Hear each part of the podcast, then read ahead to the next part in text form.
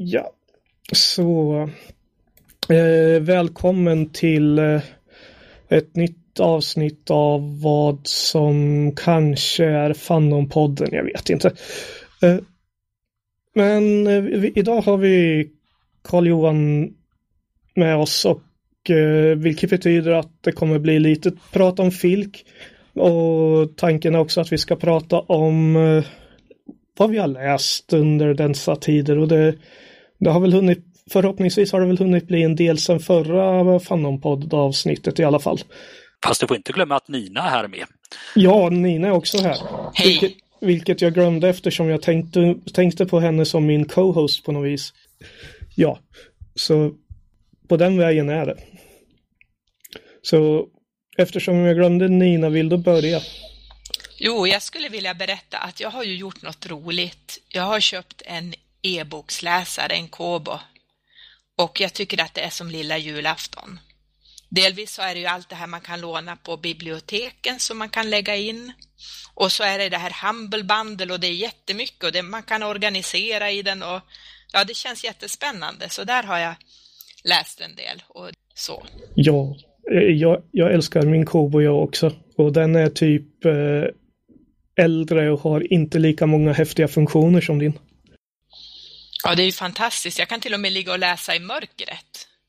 Och så när, när jag vill så kan jag slå av ljuset på plattan och det, ja, det är mycket rolig, roligheter med den. Ja. Och så tycker jag att jag sugs direkt in i handlingen för att man får ju liksom, med den storleken på text jag har valt så får man ju, man, man kommer liksom in i en liten del och man blir så inne i nuet i berättelsen. Så det är en fantastisk funktion. Och det som jag också tycker är roligt med den här plattan är att om man har läst en bok och sen vill hitta igen ett citat så kan man lätt söka reda på det utan att man behöver bläddra fram och tillbaka utan då är det bara att söka efter något ord som fanns i citatet och så får man upp sidan det fanns på. Mm. Själv är jag lite åt tvärt emot här. Jag läst så mycket e-böcker eller släppt mycket elektroniskt på sistone så jag försöker komma tillbaka till att läsa mina gamla pappersböcker igen. Speciellt Mm. på eh, resor och så, så tycker jag det känns skönt. Det känns skönt. Du, Ja. på, på resor vill du ha pappersböcker på just... Varför Ja, just... det vill jag faktiskt, har jag kommit fram till. Ja, för, Jo, men det är ju också trevligt med pappersböcker, det är det. Men det kan ju vara lite nyhetens behag, men ja. nu är det som att ge godis till ett barn i det här läget. Eller Ja. böcker till en bibliofil. Ja. Ja, men det kan det vara också. Ja, nej, eh, jag är ju lite tvärtom. Jag, tycker, jag köper fortfarande riktiga böcker men det känns som det är så mycket behändigare att ta med sig plattan på resan. Då har man liksom 300 böcker där. Och bara läsa. Men, men ja, det, eh, eh, är det, det är ju verkligen en smaksak. Om något. Så, Jag kommer ihåg för ett, ett antal år sedan så fick jag på Fannaklistan så såg jag en väldigt spännande planetsång som jag tror att Carl Johan Norén hade skrivit. Ifall det Och då- är eh, planetsången som börjar med eh, Håll nu klaffen och hör på så ska vi från solen gå hela vägen från Merkurius till Kuiper. På Merkurius är det hett och det snurrar lite lätt. Där går solen bak och fram, upp och ner, så är det jag som skrev den, ja. Ja, det är precis den jag tänkte på. Och då skulle jag vilja veta, jag skulle vilja fråga om jag nu får vara lite så här medvärd. Vad, vad kallas det här när man skriver om sånger till, till bli lite fan, fanniska eller om man nu kan kalla det för det? Alltså ur ett musikologiskt perspektiv. Så det jag gör det är att eh, så kallas det för parodisång. Det är det som Bellman gjorde. Till exempel att man tar en befintlig melodi och skriver en ny text till den. Mm. Eh, men det är liksom den musikologiska termen. Sen ofta används ju termen filk för, eh, liksom som, som en sorts eh, kortform för nördiga parodisånger men det missar lite att mycket filk är originalmusik och originalmelodier också. Eh, om vi till exempel tar Planetsången så börjar den, den parafraserar eh, den svenska översättningen, som bort vilka som gjorde av Joe Hills eh, eh, sång eh, The Tramp. Eh, Mm. Som på engelska inleds med If you all will shut your chap, eh, I will tell, if you, if you all will shut your trap, I will tell you about a chap. Eh, och på engelska inleds just med Håller klaffen åren på så ska ni en visa få om en grabb som var förbannad och som, och som svalt. Men sen så går Vad min sång i helt egna banor. för? Har liksom bara lånat. Ja. Och eh, Joe Hills eh, sång var från början också en parodisång på en sång från amerikanska inbördeskriget som heter Tramp, Tramp, Tramp, The Boys Are Marching. Ah, det, här, det här begreppet filk, vad, vad är det? Liksom, är det någon förkortning eller? Det... Nej. Nej, nej, nej. Det, man kan säga att eh, det bästa förklaringen, beskrivningen av filk som jag kan ge är att det är det är fandoms eh, folkmusiktradition, alltså science fiction fandoms folkmusiktradition. Är den Eh, onomatopoetiskt ord? ja, och eh, egentligen är det stavfel från början på, och kom från ett helt annat eh, ord, men eh, det kan man läsa på. Jag glömt bort vilken det var som gjorde det, men det var ett stavfel i en artikel som skulle skickas in till ett amerikanskt fanzin någon på 50-talet. Eh, och det handlar helt enkelt om den artikeln handlar helt enkelt om att tolka amerikanska folksånger på ett snuskigt sätt. eh, och eh, artikeln kom inte med på grund av amerikanska lagar kring postverket men eh, redaktören gillade Filk Music stavfelet och berättade för Paul och Karen Anderson och de plockade upp den och började använda det som term för den, de musikaliska parodier och musikaliska texter med SF och fantasy-tema som de redan hade börjat skriva. Eh, Så den här musikaliska traditionen går ju tillbaka till före Filken. Eh, Före att Mm. namnet helt enkelt. Före att jag var född. Ja, precis. Alltså, den äldsta filksången som jag hittade var från 30-talet. Oj, oj. Eh, hittade ett fanzine, det var kanske inte skriven som en filksång, det var skriven på ett, men det var skrivet på eh, vers eh, om eh, tidsresor och gick alldeles utmärkt sång. Går det, och det här versmåttet har ett mängd melodier kopplade till sig så det gick alldeles utmärkt att sjunga. Mm. Ja, och du, är mus musikologiskt, är det, är det ett riktigt ord? Ja, får man väl nästan säga. Väl, Ibland så pratar man om musicology i, Mm. eh, i, i alla fall i engelskan. ja, okej. Hur är det med du då David? Har du läst någonting som du tycker du vill Alltså, förmedla jag, till oss jag har andra? ju hunnit att läsa en hel del. Jag, jag läste ju både Elizabeth Bears nya och Cameron Hurleys nya och de är väl typ det är av högst kvalitet. Sen har jag läst en väldigt massa så här indie-litteratur som dyker upp och jag kan säga att The Light Brigade vill jag inte säga så mycket om faktiskt för det, den man vill inte, man vill liksom inte spoila den för den, den är så finurlig. Och den bästa militära science fiction som jag någonsin har råkat på vill jag påstå. In, inte minst för att den eh, inte på något sätt förhärligar kriget som de har hamnat i.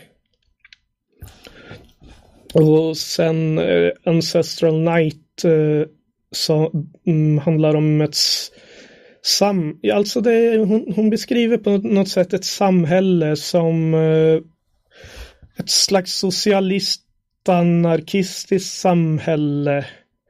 Eh, lite inspirerat av Banks i och med att det finns eh, Alltså de styrande organen är typ supersmarta artificiella intelligenser de flesta av dem. Ehm, och hon har ett och hon introducerar ett lite så här ett koncept som kanske kan vara lite kontroversiellt som kallas för right minding. Eh, där man alltså justerar folk som helt, som helt enkelt justerar folks hjärnkemi ifall de har tendenser att skada andra människor. Eh, så, och det, alltså som hon beskriver det och som hon, som i den här berättelsen så får jag, så känner jag att eh, kanske ändå var det inte en dålig idé. Samtidigt är det ju, något sånt är ju ändå man, man i, i vanliga fall associerar med diktaturer. Så har någon av er läst Ancestral Night? Nej, jag har tyvärr inte gjort det. Mm. Däremot så, eh, det här med, det är alltid en fråga kring eh, användning av eh, olika saker. Alltså alla antidepressiva och alla antipsykotiska mediciner, de ändrar ju hjärnans kemi. Ja, och, och jag kan ju, eh, jag, som gående på diverse både antidepressivt och koncentrationshöjande så jag är inte så jävla funktionsduglig nu men eh, utan de där är jag inte funktionsduglig alls. så ja. Och, och det, det, betyder mycket liksom för om man om att vara helt fun, uh, funktionsoduglig, man mår verkligen inte bra av det. Liksom det, jag, jag och det var ingen som tvingade mig att ta några piller heller kan jag ju säga. Aldrig någonsin har någon tvingat mig att ta piller. Samtidigt är ju en, alltså det är ju en del av eh, som statsapparatens eh, repressiva natur att den har tvångsåtgärder. Ja. Och ifall det nu är att nu tar de här pillerna eller så sätter vi det i fängelse så är det ju Alltså man kan ju alltid diskutera hur och eh, vad, men mm. det är ju avgränsningsproblem egentligen som det hamnar i på något sätt väldigt mycket. Ja, ja du, du menar i, i hur de gör det i Ancestral Night? Nu har jag inte läst den boken så jag kan Nej. ju liksom inte bedöma hur, hur exakt vilka ja. premisser hon använder. Nej, alltså grejen är väl att jag, jag, det tog ett tag innan jag kopplade där eftersom du sa piller och jag tror de använder lite mer avancerade metoder. Men, men den argumenterar väldigt mycket för att det, eh, det handlar om att liksom kunna skapa ett samhälle där alla kan leva med varandra utan att folk ska, och, och har en person eh, tendenser, våldsamma tendenser och skada andra personer, det är då det här liksom, då, då, då eh, kommer den här tvångsåtgärden in. Jo, jag tror att hade inte Sundiver av David Brin, jag tror att de har någon eh, sak där man analyserar människor eh, det var så Psykolo deras psykologi och efter, söka sig efter ifall de har våldsamma tendenser och har mm. de satta i karantän. Mm. Och det sker det är nästan någon sån här äh, standard mm. Men, undersökning som görs.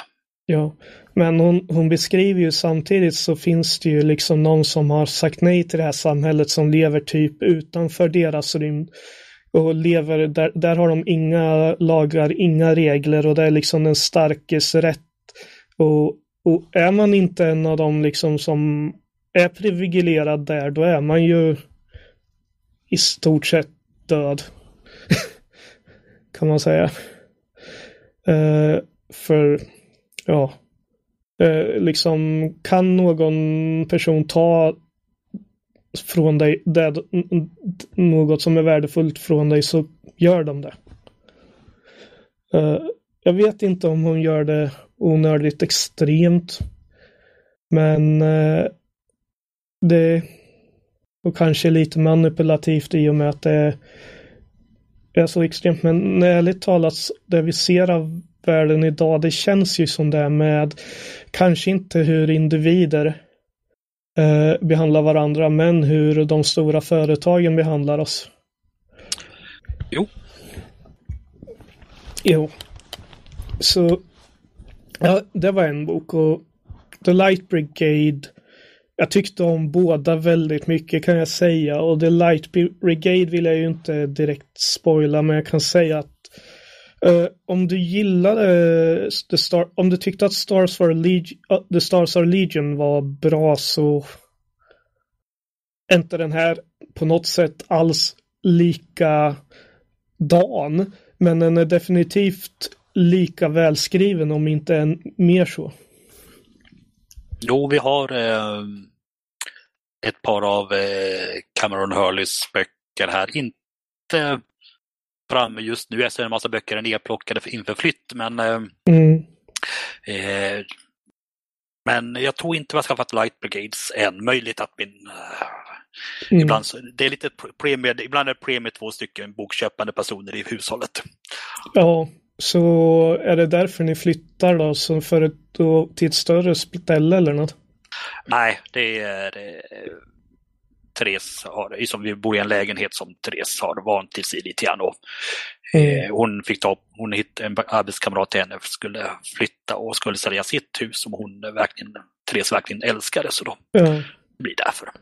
Så är inte, vi får söka sig efter hur vi... Skulle vi bara flytta på grund av bokhyllan skulle det nog varit ett annat hus. För jag, jag, känner, jag sitter och funderar på och pusslar vad här, vad vi ska få plats med dem nämligen. Ja, Det är lite annat. eh, Det är inte lika praktiska väggar som i den lägenheten vi har, har just Ja. nu. ja men det, det låter ju som ett logistiskt problem som ni säkert kommer lösa.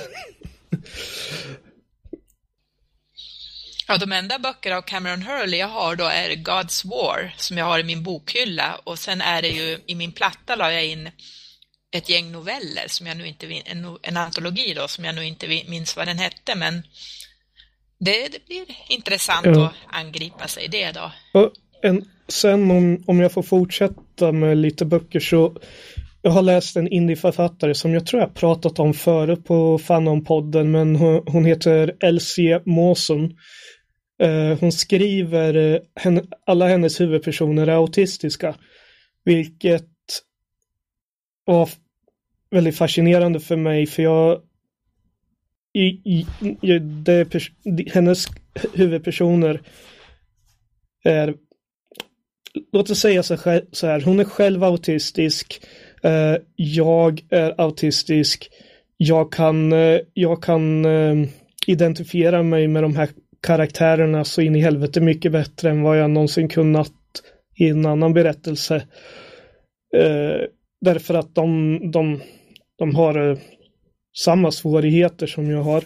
Och hon beskriver det så bra och, och troget till hur det faktiskt är att leva med det här Eh, i vissa sammanhang och hur det kan ja så och det, samtidigt så är de ju superhjältar och grejer. Eh, den serien som jag gillar mest av henne heter Aspects så och handlar om eh, ja de har krafter som är baserade på aspekter som till exempel, så den första boken heter Love och Hate och det utspelar sig i en pot postapokalyptisk framtid där de lever i in eh, vägg, eh, murade städer efter att en utomjordisk eh, civilisation använt eh, jordens för att testa sina genetiska,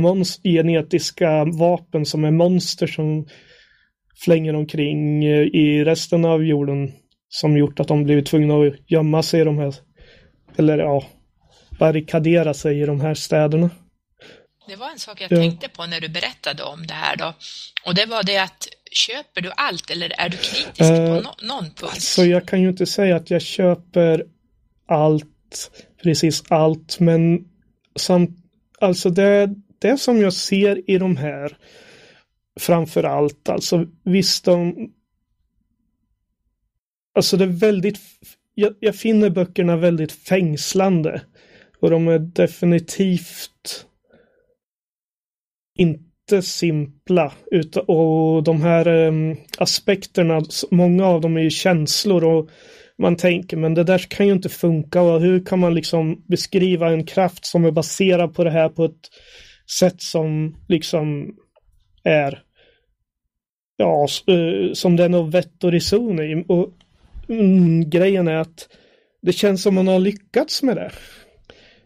De känns vettiga fast konceptet känns väldigt svårt att och inte få verka väldigt fånigt. Men det känns ändå som man har lyckats att som att det känns liksom hon, hon, hon, hon har hanterat det här på ett sätt som gör att det känns som att en logisk eh, att krafterna liksom är verkligen som ensamhet och så här eh, eh, som kan, hon, hennes kraft är väl att hon kan bli osynlig. Och eh, sen är det empati mm. och hon håller på att bli galen därför att hon är aldrig sig själv. Hon bara förvandlas till alla som är omkring henne och känner det de känner. Så hon vet inte vem hon egentligen är själv längre. Eh, eh, bland annat. Så ja, det, jag, jag, vill rekommendera den därför att eh, av själviska orsaker lite sådär. Därför att eh, den beskriver autism. Eh, det är inte bara bra böcker, bra sci-fi som jag tycker. Hon beskriver autism på ett väldigt bra sätt Eh, som jag tänker för att skulle, skulle kunna vara utbildande eller antagligen är utbildande för personer som eh, ser, som lever med autism utifrån, alltså folk som lever med folk med autism. Och jag önskar att farsan kunde läsa på engelska bara för det, men eh, så, så, ja, han har aldrig riktigt eller han har lite svårt att greppa det här ibland. Ja. Ja, det låter intressant. Mm. Men den, den, första boken jag la in på min platta då, som jag lånade från ett bibliotek var Cecilia Kostenius Larssons bok som heter De ursprungliga om de fem elementen. Som handlar om en virusgudinna som har dödat många människor och nu ska olika personer och olika raser ska enas för att slåss på, mot ondskan på order av en eldkung. Och jag tyckte att hon, hon skrev väldigt fina beskrivningar i den här boken. Alltså det var, någon var inte lång och inte kort, inte ful och vacker, hon bara var. Det är så otroligt bra språk, så det, det, skulle jag vilja lyfta mm. fram. Så det var, det var lite av, av, att det blev en fröjd att läsa på plattan då, att det var den första boken. Mm som jag läste. Har du då Carl Johan läst någonting på senare? Har du hunnit med både Nej, flik och böcker? Jag har haft, eh, det stolpade in stor, haft ganska mycket att göra med mitt jobb nu på sistone. Mm. Eh, det som jag läst mest eh, på sistone har varit jag hoppar in i några av Witcher-novellerna. Men är inte det en tv-serie också? Witcher? Ah. Är det samma?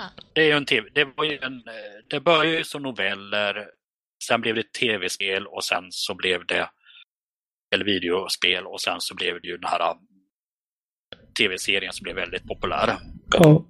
Men eh, de här har du, äh, har novellerna, sett... nu, nu har jag bara kommit bara läst ett fåtal av noveller, men det känns lite en... Eh, har du sett serien? Väldigt, ja, alltså te, te, te, novellserien. Eh, och det känns väldigt mycket som det här klassiska sådan sorcery-stilen. Conan, Liber, i viss mån Moorcock, lite modernare. Eh, lite, det finns ganska mycket ironi i böckerna och sådär men eh, den här eh, stilen av att eh, berättelserna kommer i den ordning de är. Eh, det är väldigt mycket eh, att huvudpersonerna vandrar runt i en eh, i en eh, miljö. Det finns egentligen ingen det finns inga direkta mål eller uppgifter med, som, eh, som binder samman det hela, utan det är, liksom, det är personerna som binder samman det i väldigt hög grad. Kanske kan kallas pikaresk? Eller? Nej, det är inte en pikaresk Nej. berättelse. Eh, uh, det ordet det, får ni liksom förklara liksom här, för mig. Ja, hur ska man förklara det? Pikaresk? Det, Don Quijote tror jag är en pikaresk. Ja, en pikaresk roman men...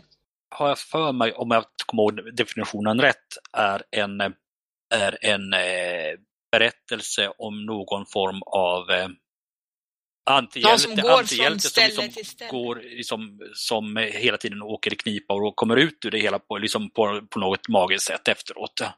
Jag, för att det, mm, jag fick för mig att det var någon som vandrar ja. också, därav min tanke att det var en pikaresk när du sa att de går ja. runt mycket, men det kan vara lite osäker också. Precis, eh, så jag skulle väl inte, ja, alltså, pikaresk roman, skurkaktig, skälmsk eh, ordåga.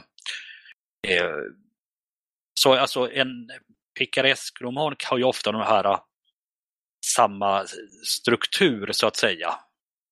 Eh, som Conan eller eller en del av Warns berättelse. Så det är, inte, det är, inte, det är liksom, strukturen finns där men eh, Picaresken har ju, sin, har ju en viss typ av eh,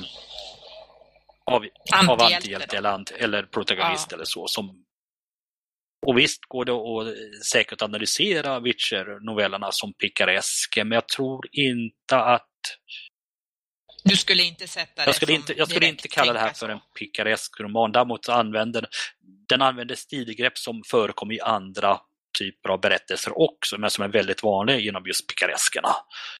Men det är, det är ungefär som att säga att, eh, att eh, ungefär som att, eh, ja. Alltså man, man, man, man, man, eh, man eh, förväxlar formen med innehållet lite grann skulle jag vilja säga då. Ja, okej. Okay. Men alltså de är, alltså, de är trevliga, de är eh, varierar lite i stilen eh, och eh, ställer upp en del roliga problem och världsbygget är helt klart intressant.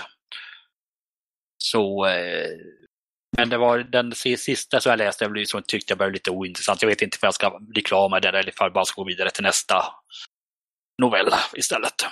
Mm. Jag tror att faktiskt att när David hälsade på mig förra gången i höstas att vi började titta på The Witcher. Det gjorde vi ja. Men det blev lite våldsamt så att jag tror att jag råkade somna den gången. Men jag tänkte absolut ge den en till chans.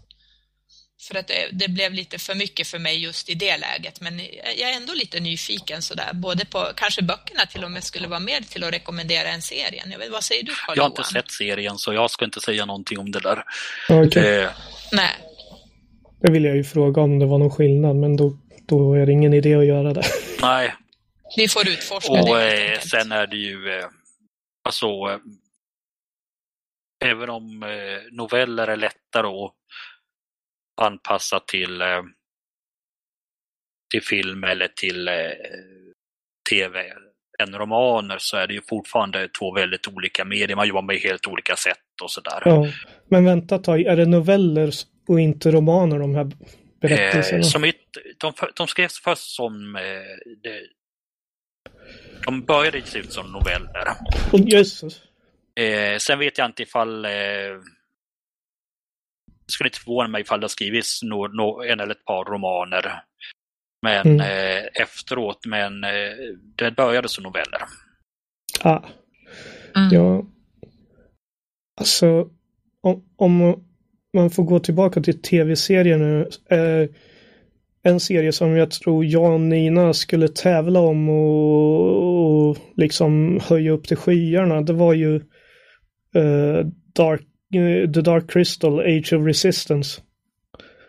Jo, jag förstår vad du menar. Jag såg typ innan inspelningen nu såg jag sista avsnittet som finns att se då. Ja, och de, alltså den är så oerhört kreativ, så oerhört välgjord. Det, det är liksom dockor och de här, o, alltså som Jim Henson är så bra på det här med världen, den här världen som de har skapat. Det är massvis med så här liv och det, det är inte bara tomma, tomma eh, skogar och sånt där, utan det är liksom alltid varelser om, omkring dem. Och, och den riktigt bra handling och alltså och den är så kreativ, den är så oerhört kreativ och så väldigt vackert gjord. Eh, eh och jag och de här är ju också baserad på ett gäng böcker så jag är väldigt sugen på att läsa de böckerna ärligt talat. Se om de är lika häftiga som serien. För alltså jag vet inte, jag är ju så jag är ju den jag är, så jag är ju väldigt så här eh, förälskad i det visuella också i den här serien. En liten detalj som jag tycker var intressant är liksom hur man ser, man ser liksom själen på de här figurerna, dockorna, genom ögonen. Det är kanske något man inte tänker på direkt sådär, men det är så mycket som speglas och så mycket symbolik till, kring det där med ögonen, till exempel de här onda skexis, hur de torterar med hjälp av ett djur som äter i ögat. Mm. Så det, är en detalj jag tycker, och just när man förlorar, på, nu ska jag i och för sig inte spoila, men det är någonting, utan att säga exakt vad det är, så när man förlorar hopp och hur det syns i ögonen och sådär, jag tycker att det är en fin liten detalj. Mm. Alltså de har lyckats göra väldigt mycket med ett medium som är eh, notoriskt svårt att uttrycka känslor i. Eh, men, men det är ju en konst, alltså det finns ju, det, det är ju en konst. Och det är ju Jim Henson Creature Shop som har gjort det här. De är, har ju de har ju väldigt lång erfarenhet av det här. Eh, så så förvånande kanske det inte är, men ja. Mm. Tittar du på några tv-serier, Karl-Johan? Nej, väldigt lite. Det är, det är min fru som gör det här hemma hos oss och eh, ägnar sig åt eh, symboliska analyser av det. Av det eh, då och då. Hon har ju haft några sådana, hon hade väl någon sån föreläsning på någon svek och jag tror det var i Linköping kring Supernatural om broms och metasyntaktiskt meta, metasyntaktiskt, eller metanarrativt berättande var det väl i Supernatural och mm. sådär. Mm. Så det är det hon, hon är mycket mer för det än vad jag är. Mm. Supernatural, den, den verkar vara... Jag trodde det var en sån här serie som typ är, eh, hade väldigt låg produktionsstandard och i alla fall, eller har jag tänkt på något annat nu? jag ska inte, vet inte hur vilken produktionsbudget de har eller sådär, men mm. de, eh, Therese tycker att de jobbar väldigt medvetet kring eh, mm. symbolik och eh, med, med, sina och hur de framställer eh, personerna visuellt. Mm. Nu kan det säkert vara eh, nu är det ju en sån sak som att tänka efter före, det är ju en sak som är billig att göra. Mm. Så det behöver ju inte mm. innebära att de fortfarande inte har en hög eller låg produktionsstandard. Men... Mm. Nej, det, alltså jag, jag, är ju, jag är ju visuellt lagd måste jag erkänna så eh, alltså det, när, det finns ju en del liksom som man verkligen måste tänka till när man ser dem som, det, jag tänker på Ghost in the Shell och, det, och uh, den som är gjord av Mamuri Oshi. Och det, också tvåan då, Ghost in the Shell Innocence, och det, vilket han också gjorde. Och de är, man, alltså, man måste verkligen fundera innan man börjar fatta vad fan de handlar om egentligen. Men samtidigt så måste jag erkänna att de är väldigt, båda två är väldigt, väldigt imponerande visuellt. Sådär, så jag, jag, tror jag behöver det där visuella lite som fångar mig. Någonstans. Jag tycker att det kan finnas texter som är otroliga för att de kan ge såna här inre bilder som är ja. ja spännande. Jag tänkte på en bok jag nyligen läste som heter The Princess Beard av Delilah S. Dawson och Kevin Hearn som gav mycket sådana där inre bilder om en prinsessa som hamnar på ett piratskepp och en enögd papegoja Peach och en kenatur och, det, det, och ganska dysfunktionell besättning pirater. Mm. Så det, det, var ju en, så ett, ett exempel på någonting som känns visuellt fast det är text. Så kan det ju vara. Så. Ja, är det mycket... Att man får mycket inre liksom bilder och mm. sådär. Så är det, är det karaktärerna så här som beskrivningar som... Jag tror det är färgstarka karaktärer mm. som gör det. För i den boken. För jag har ett, ett problem är att liksom som till exempel de här aspektsböckerna Loneliness. Mm. Hon, eh, henne liksom, när jag, när jag läser henne och hur hon beter sig och sådär så tänker min hjärna det som en väldigt kort person som eh, kanske inte är så där. Men eh, när de, när de väl, de gånger de beskriver hennes utseende så, så beskrivs hon ju som något av en fotomodell. Okay. Så, så, vilket clashar lite av min bild, vilket jag tror är nyttigt för mig och för sig. mm. Så det, ja. Så det, men det, det är roligt. Mm. Inget mer du har läst, Karl Johan, tror du? Nej, det är inte sådär uh, om du inte vill ha uh, saker som jag översatt som är uh, dötrist och halv, halvfelaktigt. Ah, vad är det? Är det facklitteratur eller Nej, det, manualer? det är ju mycket marknads... Just nu så är det en hel del marknadsmaterial, det är en del programvara också. Ah, okej. Okay. Mm. programmerar du då också? Nej, jag översätter med åt Ah, okay. Ja, Mm. Det, det, är sådana som du som gör att det här programmet finns på svenska också? Ja, ibland. Inte så ofta de här programmen, men ibland förekommer det. Ja. Men eh, Nina, Mm. eh, du sa ju att du var lite nyfiken på eh, filkrörelsen, vad vi håller på med lite grann. Och, och en sak som vi... Jag skulle ju ha varit hedersgäst, eller filkgäst, alltså inte filkgäst, eh, vilket i praktiken är eh, en, eh, inte filka, en fanfond som skickar filkare i, till resor i Nordamerika just specifikt i- syfte att liksom ha ett ut, ökat utbyte mellan folk. I praktiken kan man säga att jag var deras fanhedersgäst Mm. med svenska mått mätt. Nu blev det där inställt. Eh, Ja. Tyvärr, men Mm. eh, en, Kommer det längre jag hoppas fram, det. tror du? Men eh, det som en eh, vän till mig bekant, Blind Lemming Chiffon heter han. Eh, han har ett bluesnamn. Eh, så ordnade han en virtuell kongress då samma helg. Som jag då medverkade i. Bra av Mm. honom, tycker Eh, jag. vilket- Det kallades för Festival of the Living Rooms. Så hur, hur, hur, hur gick han tillväga för att ska, uh, anordna den här kongressen? Ja, han började med att bestämma att eh, föreslå att ska vi försöka ha några eh,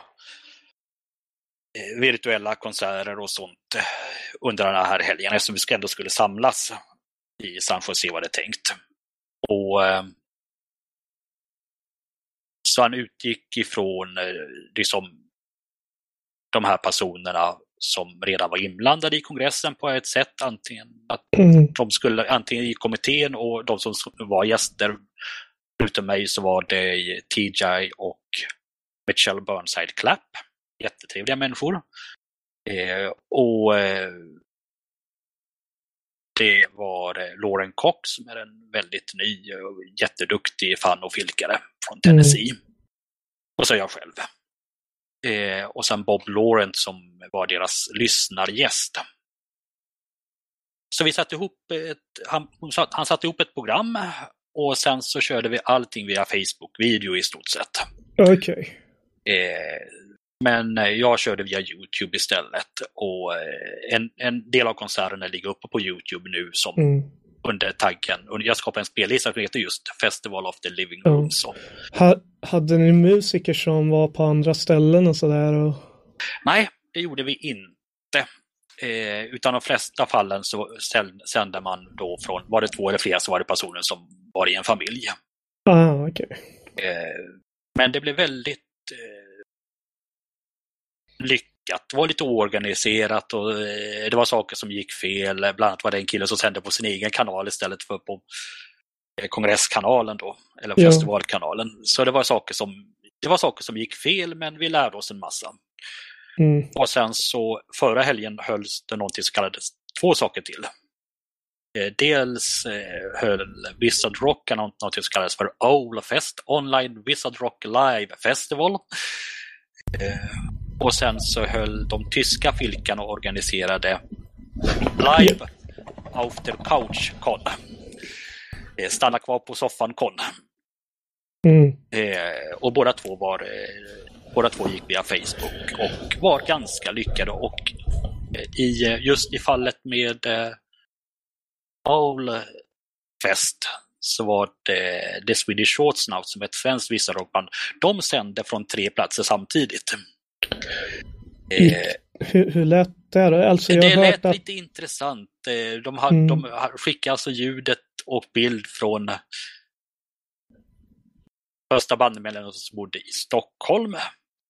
till trummisen som bodde i Märsta och sen vidare till eh, tredje bandmedlemmen som bodde i Uppsala, tror jag det var. Och sen så liksom så man fick liksom, de fick spela med varandra och det märktes att speciellt den första, de hade inte riktigt fått ljudet att fungera. Men det, liksom, det fungerade bättre än man kunde tro. Även om, mm.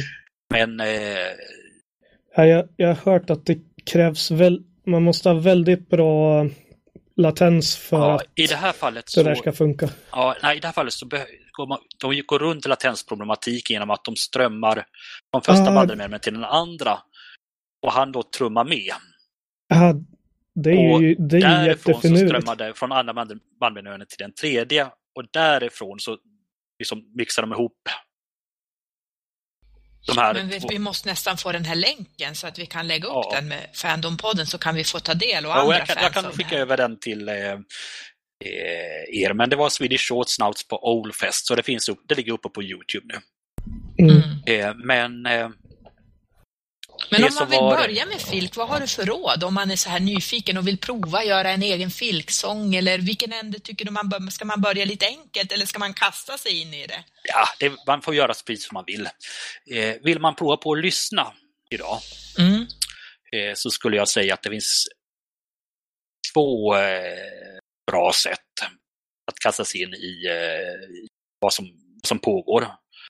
Den första är att man, ifall man använder Spotify, att man ger sig på och lyssnar på en spellista som heter Filk Sampler. Eh, den har jag skapat med hjälp av några andra hjälp och råd och tillägg från andra mm. filkare. Eh, och det är liksom en urval av, av artister och eh, stilar. Och då, då, måste man ha antagligen Spotify, den här man betalar det, det, för? Det krävs Spotify för den. Ja, och inte den här gratisversionen, antar jag? Jo, jag tror, jag tror att gratisversionen fungerar också alldeles Ja, jag har ju för sig betalversionen, så det är klart man ska kolla upp det. Ja, precis. Eh, så där finns det, ett, det är det första. Och då liksom, har man lyssnat igenom den så och tycker att Filk inte är någonting för en, då, liksom då, då har man verkligen gjort eh, sin due diligence. Mm. mm. Eh, det andra tipset, det är eh, en eh, poddsändning, podcast, eh, som heter Philcast som görs av en kille som heter Eric Coolman i USA. Philcast med c.blogspot.com tror jag de ligger på. och han har gjort en, ett avsnitt varje varannan vecka nu i drygt ett år. Han ska gå över till varje veckas utgivning nu. Eh, där han pratar, eh, dels eh, plockar fram filkmusik ur både äldre och nyare och i, plockar upp andra närliggande fanniska musikgenrer också som vissa rock och nördcore och lite sådär också. Och med lite, plockat upp det med lite nyheter i sina egna kommentarer. Så det är väl de två tipsen jag har som eh, beroende på ifall man håller på, är man på Spotify eller föredrar poddsändningar så kan man välja vilka som är, mm, man tycker som passar. Fina tips. Finns det något på Bandcamp? Där finns det en hel del. Eh, men eh, och går in på Philcast så hittar du länk, han lägger in länkar på eh, alla musikers Bandcamp eller motsvarande sidor som han som han sänder som man tar med i sin poddsändning. Hur eh, kommer det sig att du började förresten? Jag blev lite nyfiken. Hur kom du in på det? Ja, det som började med mig var ju att jag eh, skrev eh, två stycken Bellman-pastischer. Mm. För väl 2014 var det väl. Dels så var det Stolta Fans som var en panisk parodi på Stolta stad. Och sen så fortsatte jag med glömt bort vad jag kallar den, eh, kongressmiddagssång eller sånt där, som, som en parodi på måltidssången, det vill säga Så lunkar vi så småningom. Mm. Eh, så jag skrev de där två och eh, folk här i svensk fan, de älskade dem. Jag insåg att här finns det någonting. Jag började titta lite närmare på personer som hade gjort liknande saker och då började jag liksom titta på den upptäcka den, både den svenska tidigare filktraditionen och den amerikanska. Eh, och började eh, liksom ta kontakt med folk där på det viset. Och så på den vägen är det. Mm. Ja, vi är på 46 minuter nu. Ja. Eh, Ja, men det, det är väl en ganska Ja. bra ställe att Jag, runda jag av. funderar på en sak, Carl du Kan du sjunga något eller är det ett fel ställe att fråga en sån sak? Ett lit... Eh, ja, hade du något som ni ville höra eller inte höra eller så? Uh, jag vet ju ingenting om Filk med en... Vänta ett tag. Bellman. Du sa något om Bellman. Ja, jag har ju skrivit ett antal Bellman-pastischer inom Filk. Eh, inom Filken. Vi ska se efter här ifall vi tar vilken som kan vara lämplig. Där har vi faktiskt en liten lista. Ja, Ta en nål. vad sa du? Ta en nål och så trycker du i den. Så får du se vad du hamnar på. Ja, nej, det är det som är eh, problemet med... Eh, jag har skrivit, det har blivit ungefär 200 eh, texter av varierande kvalitet, så det blir ju en del. Eh, Men vi kan ta den där. Eh, En av eh, Bellmans mer eh, gubbiga sånger, gubbiga sånger som jag gav ett lite mer trevligt innehåll. SF och åsko helgas min skål, bägge sku firas av ungdom och ålder. En ger jag hjärtat, hittat den andra min bål, ty SF ger Rosco här ålder. Gyllene ålder och fuller pokal är vad i världen helst mig behagar. Ack vad jag önskar ut i mina dagar hos Rosco bli fänrik i SFs lokal. Nästan som man skulle vilja precis vad jag tänkte. Vackert. Tusen tack. Ja, ja. Men det där tror jag varit en perfekt avslutning på det hela. Mm. Så vi... Varsågoda. Ja. Jag tyckte att planetsången skulle varit lite väl lång att ta. ja. Men tack för att ni kom. Och jag hoppas... Tack för att vi fick komma. Ja, för att vi... Vänta ett tag.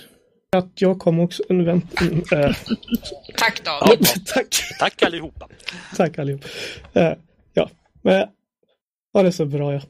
Detsamma. Hej.